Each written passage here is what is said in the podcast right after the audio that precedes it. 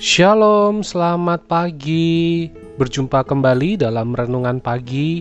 Sungguh bersyukur untuk kehidupan yang masih Tuhan berikan bagi kita, untuk kesempatan kita boleh menjalani kehidupan kita satu hari lagi di hari ini. Mari bersama-sama kita mengawali hari kita dengan merenungkan firman Tuhan. Kita perhatikan dari surat 1 Petrus pasal yang ketiga ayat yang ke-18. 1 Petrus 3 ayat 18 Sebab juga Kristus telah mati sekali untuk segala dosa kita. Ia yang benar untuk orang-orang yang tidak benar supaya ia membawa kita kepada Allah. Ia yang telah dibunuh dalam keadaannya sebagai manusia, tetapi yang telah dibangkitkan menurut roh.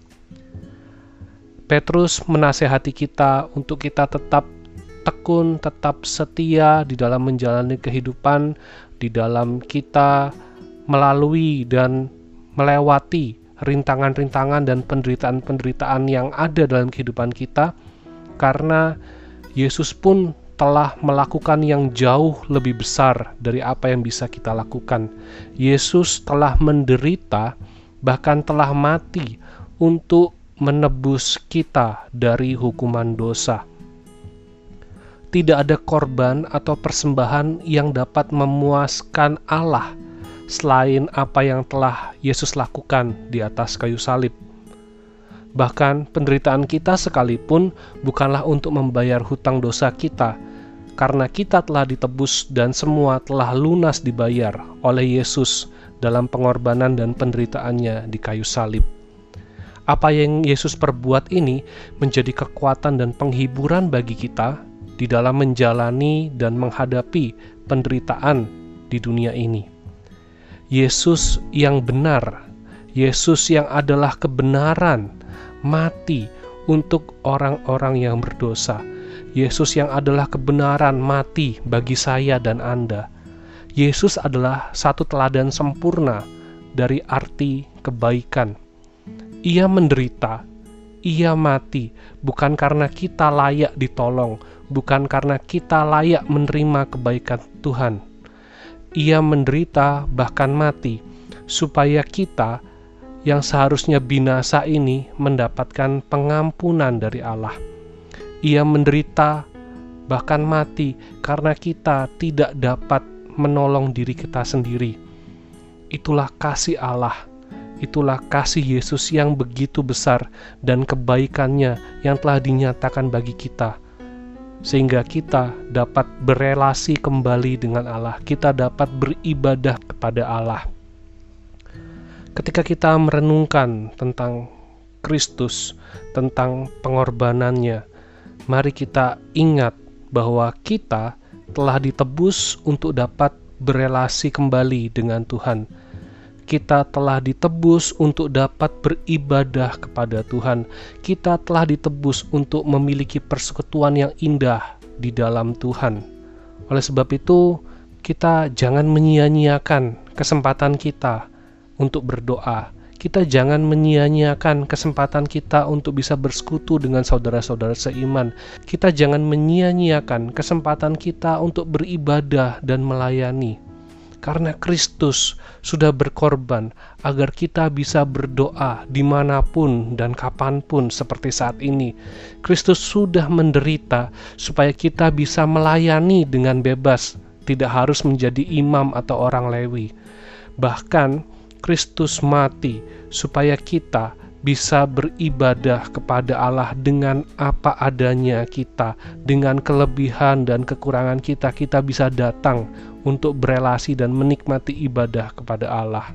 Di masa prapaskah ini di mana kita akan memperingati akan pengorbanan Kristus di kayu salib dan juga akan kebangkitannya, mari kita merenungkan kembali makna dari penderitaan Kristus bagi kita. Mari kita bersyukur untuk kesempatan yang masih diberikan bagi kita untuk kita bisa beribadah dan melayani dan mari kita sungguh-sungguh di dalam menjalaninya. Kita yang tidak layak untuk datang kepada Allah dilayakkan melalui pengorbanan Kristus. Kita yang tidak mampu untuk melayani Allah dimampukan di dalam pengorbanan Kristus.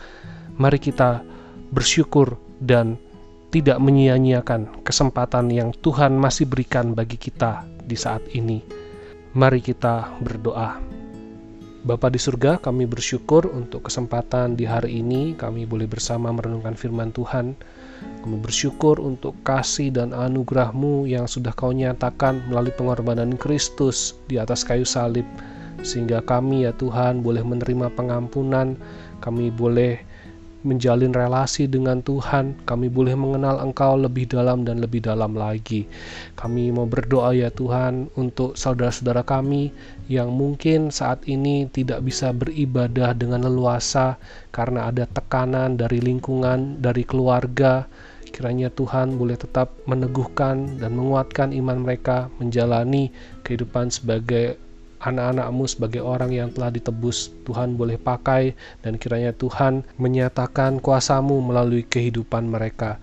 Kami juga berdoa ya Tuhan untuk di antara kami yang mungkin tidak leluasa untuk mengikuti ibadah karena banyak pembatasan di dalam masa pandemi ini. Kiranya juga Tuhan boleh memakai setiap sarana dan media-media elektronik yang ada di hari ini untuk boleh tetap membangun kerohanian mereka, untuk mereka tetap boleh menikmati ibadah dalam segala keterbatasan yang ada. Kami juga berdoa ya Tuhan untuk mereka yang mulai undur dari ibadah, mulai undur dalam pelayanan. Kiranya juga Tuhan menguatkan, meneguhkan kembali iman mereka melalui masa-masa prapaskah ini. Kiranya kami boleh menghayati kembali akan makna dari pengorbanan Kristus sehingga kami boleh lebih bersyukur dan kami boleh sungguh-sungguh menggunakan kesempatan yang sudah Tuhan berikan bagi kami untuk boleh beribadah dan melayani. Kami mohon bimbingan Roh Kudus dalam hati setiap kami, agar kami ya Tuhan boleh terus menjalani kehidupan kami taat kepadamu sesuai dengan firman-Mu. Kami juga ya Tuhan menyerahkan untuk setiap diri kami di dalam kami menjalani kehidupan kami di hari ini, di dalam aktivitas pekerjaan kami. Kami mohon pertolongan-Mu dan topangan kuasamu yang memampukan kami boleh menjalani kehidupan kami di hari ini. Terima kasih ya Tuhan, kami bersyukur di dalam nama Tuhan Yesus kami berdoa. Amin. Selamat pagi, selamat beraktivitas. Tuhan Yesus memberkati.